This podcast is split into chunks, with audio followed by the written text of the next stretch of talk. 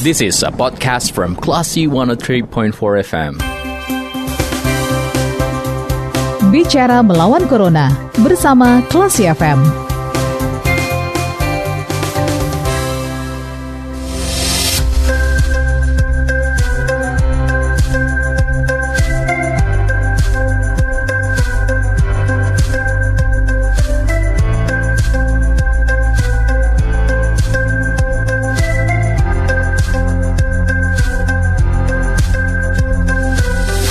Empat kelas FM bersama kita lawan Corona. Kelas People balik lagi ada mencermati program Bicara Melawan Corona bersama saya Radi Pradata dan kali ini kita masih membahas mengenai uh, pasca warga yang membuka paksa peti mati pasien COVID-19 ya di wilayah Kabupaten 50 Kota.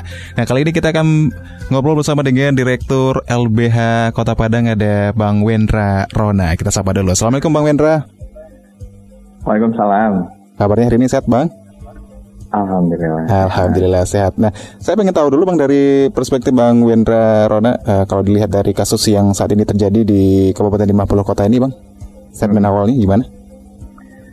Kalau kalau saya melihat bahwa uh, peristiwa ini merupakan uh, gejala yang nyata bahwa hmm. sebenarnya masyarakat hmm. belum punya pemahaman yang utuh tentang COVID-19 Artinya mm -hmm. uh, informasi dan media sosialisasi dan campaign terkait soal COVID dan dampaknya belum sepenuhnya uh, bisa dimaknai dan diresapi oleh masyarakat sehingga mm -hmm. muncul reaksi-reaksi seperti ini.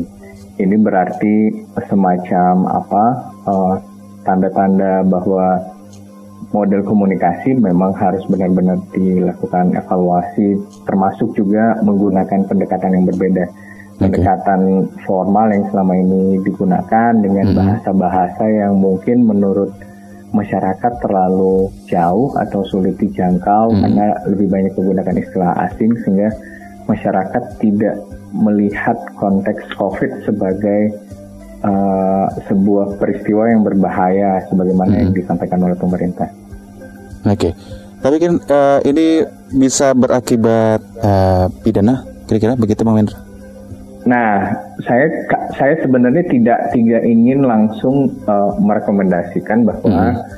uh, peristiwa ini harus uh, uh, di, ditangani dengan uh, penegakan hukum, hmm. terutama pidana, karena uh, konteks ketidaktahuan ini harus hmm. Atau ketidakpahaman ini harus dijawab dengan sebuah solusi karena pemidanaan justru uh, seolah-olah bahwa uh, hmm. pemerintah tidak tidak sensitif yep. uh, hmm. dengan dengan uh, kekhawatiran masyarakat bahwa sejauh ini masyarakat uh, ternyata bereaksi seperti itu artinya hmm. kan pesan itu belum belum sampai. Nah, yang mestinya di, direspon adalah pemerintah mungkin harus menggunakan pendekatan yang berbeda. Yeah, okay. Jangan jangan sedikit-sedikit melakukan proses pidana karena uh, justru pendekatan itu hmm. menegaskan bahwa uh, pemerintah seolah tidak peduli atau tidak peka dengan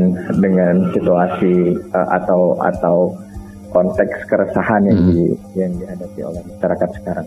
Oke, okay. dan sebelumnya ini Bang Wendra kita juga sempat uh, ngobrol bersama dengan Kapolres Payakumbuh uh, mm-hmm. Pak Doni Setiawan dan beliau memang mengatakan bahwasanya untuk kasus ini diselesaikan dengan uh, kekeluargaan art- artinya para para uh, pelaku gitu ya uh, Bang ya itu di, di, disuruh atau di harus membuat surat pernyataan dan uh, di situlah uh, kepolisian mengambil diskresi. Nah, menurut Bang Wendra ini adalah tindakan yang sudah tepat? Yang diambil? Ya, karena kalau di dalam impres sendiri soal uh, penegakan uh, disiplin protokol kesehatan itu juga uh, menegaskan bahwa proses pemindahan itu harus menjadi langkah terakhir hmm. setelah upaya-upaya persuasif seperti pendekatan uh, apa uh, dialog, uh, musyawarah, hmm. lalu ada sanksi hmm. administrasi, lalu ada denda, baru di ujungnya baru pemidanaan kalau seandainya uh, hal itu sudah hmm. terjadi berulang-ulang. Nah, tantangannya kan memang tidak mudah ya. Di satu sisi kita juga memahami uh, uh, bahwa tindakan ini punya konsekuensi terhadap uh, semakin merebaknya COVID gitu ya, karena hmm.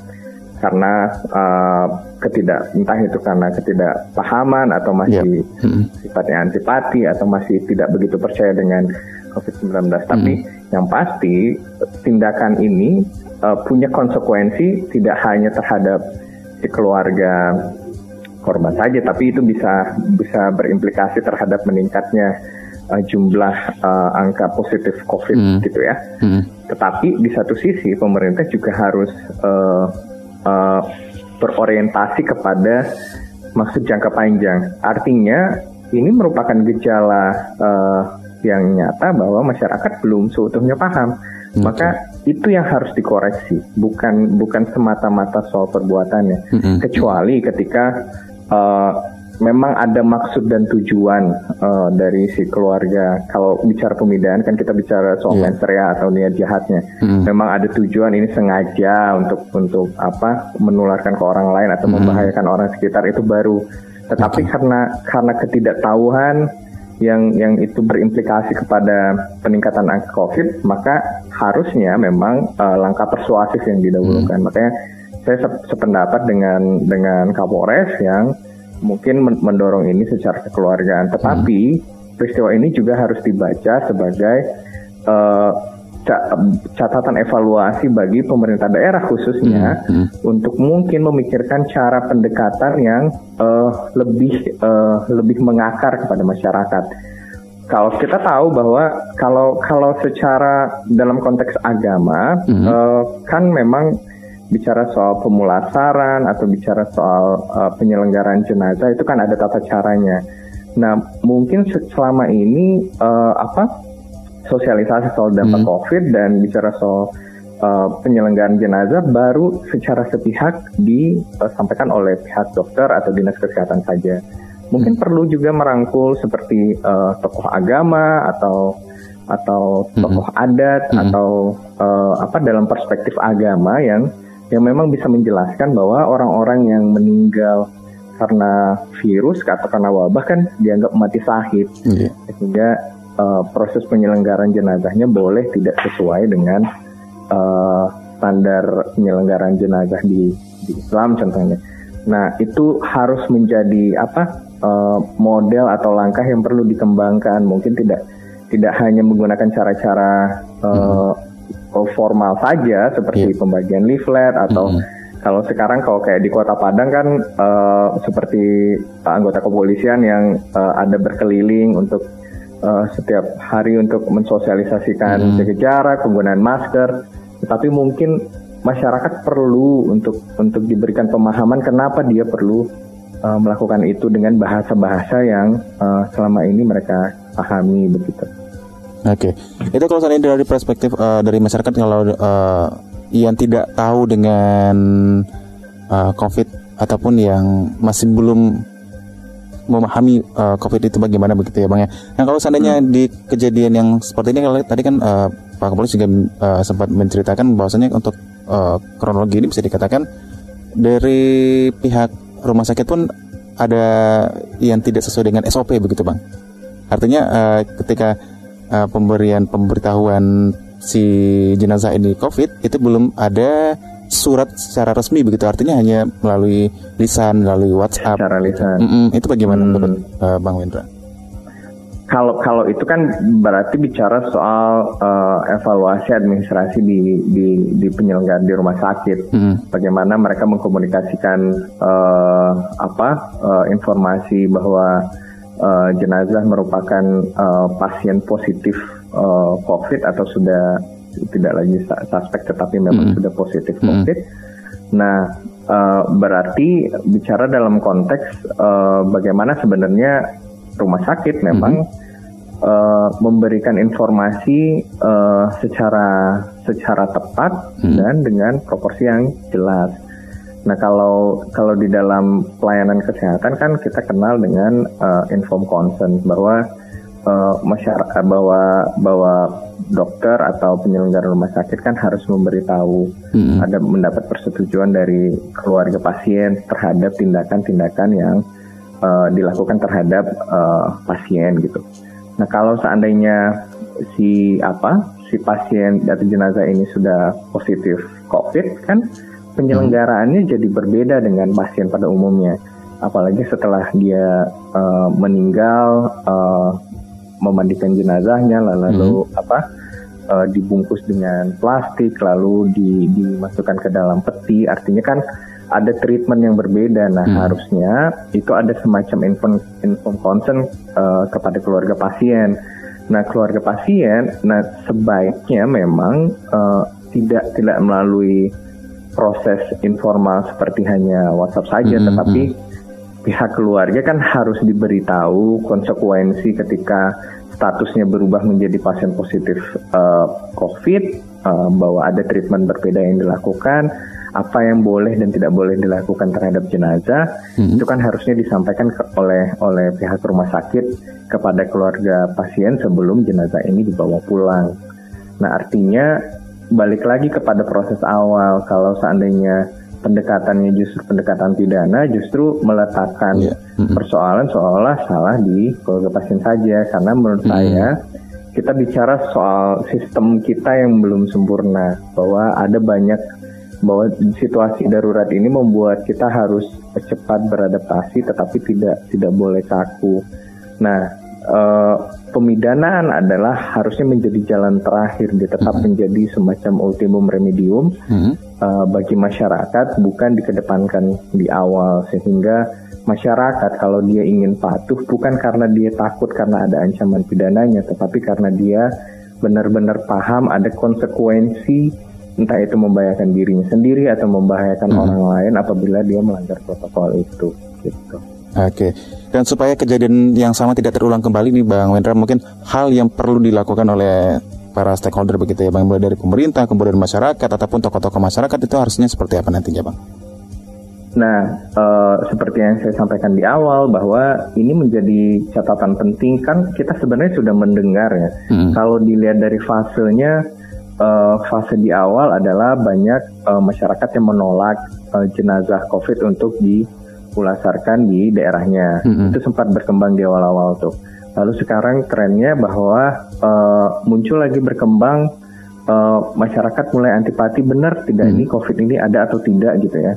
Bahkan dari dari dari dari media sosial uh, Humas Sumbar gitu ya, info info Sumbar, Humas Pemprov Sumbar yang setiap mm-hmm. hari mengupdate data berita soal soal pasien COVID ad, masih ada komentar-komentar yang nyeleneh kayak oh, menanyakan yeah. ini uh.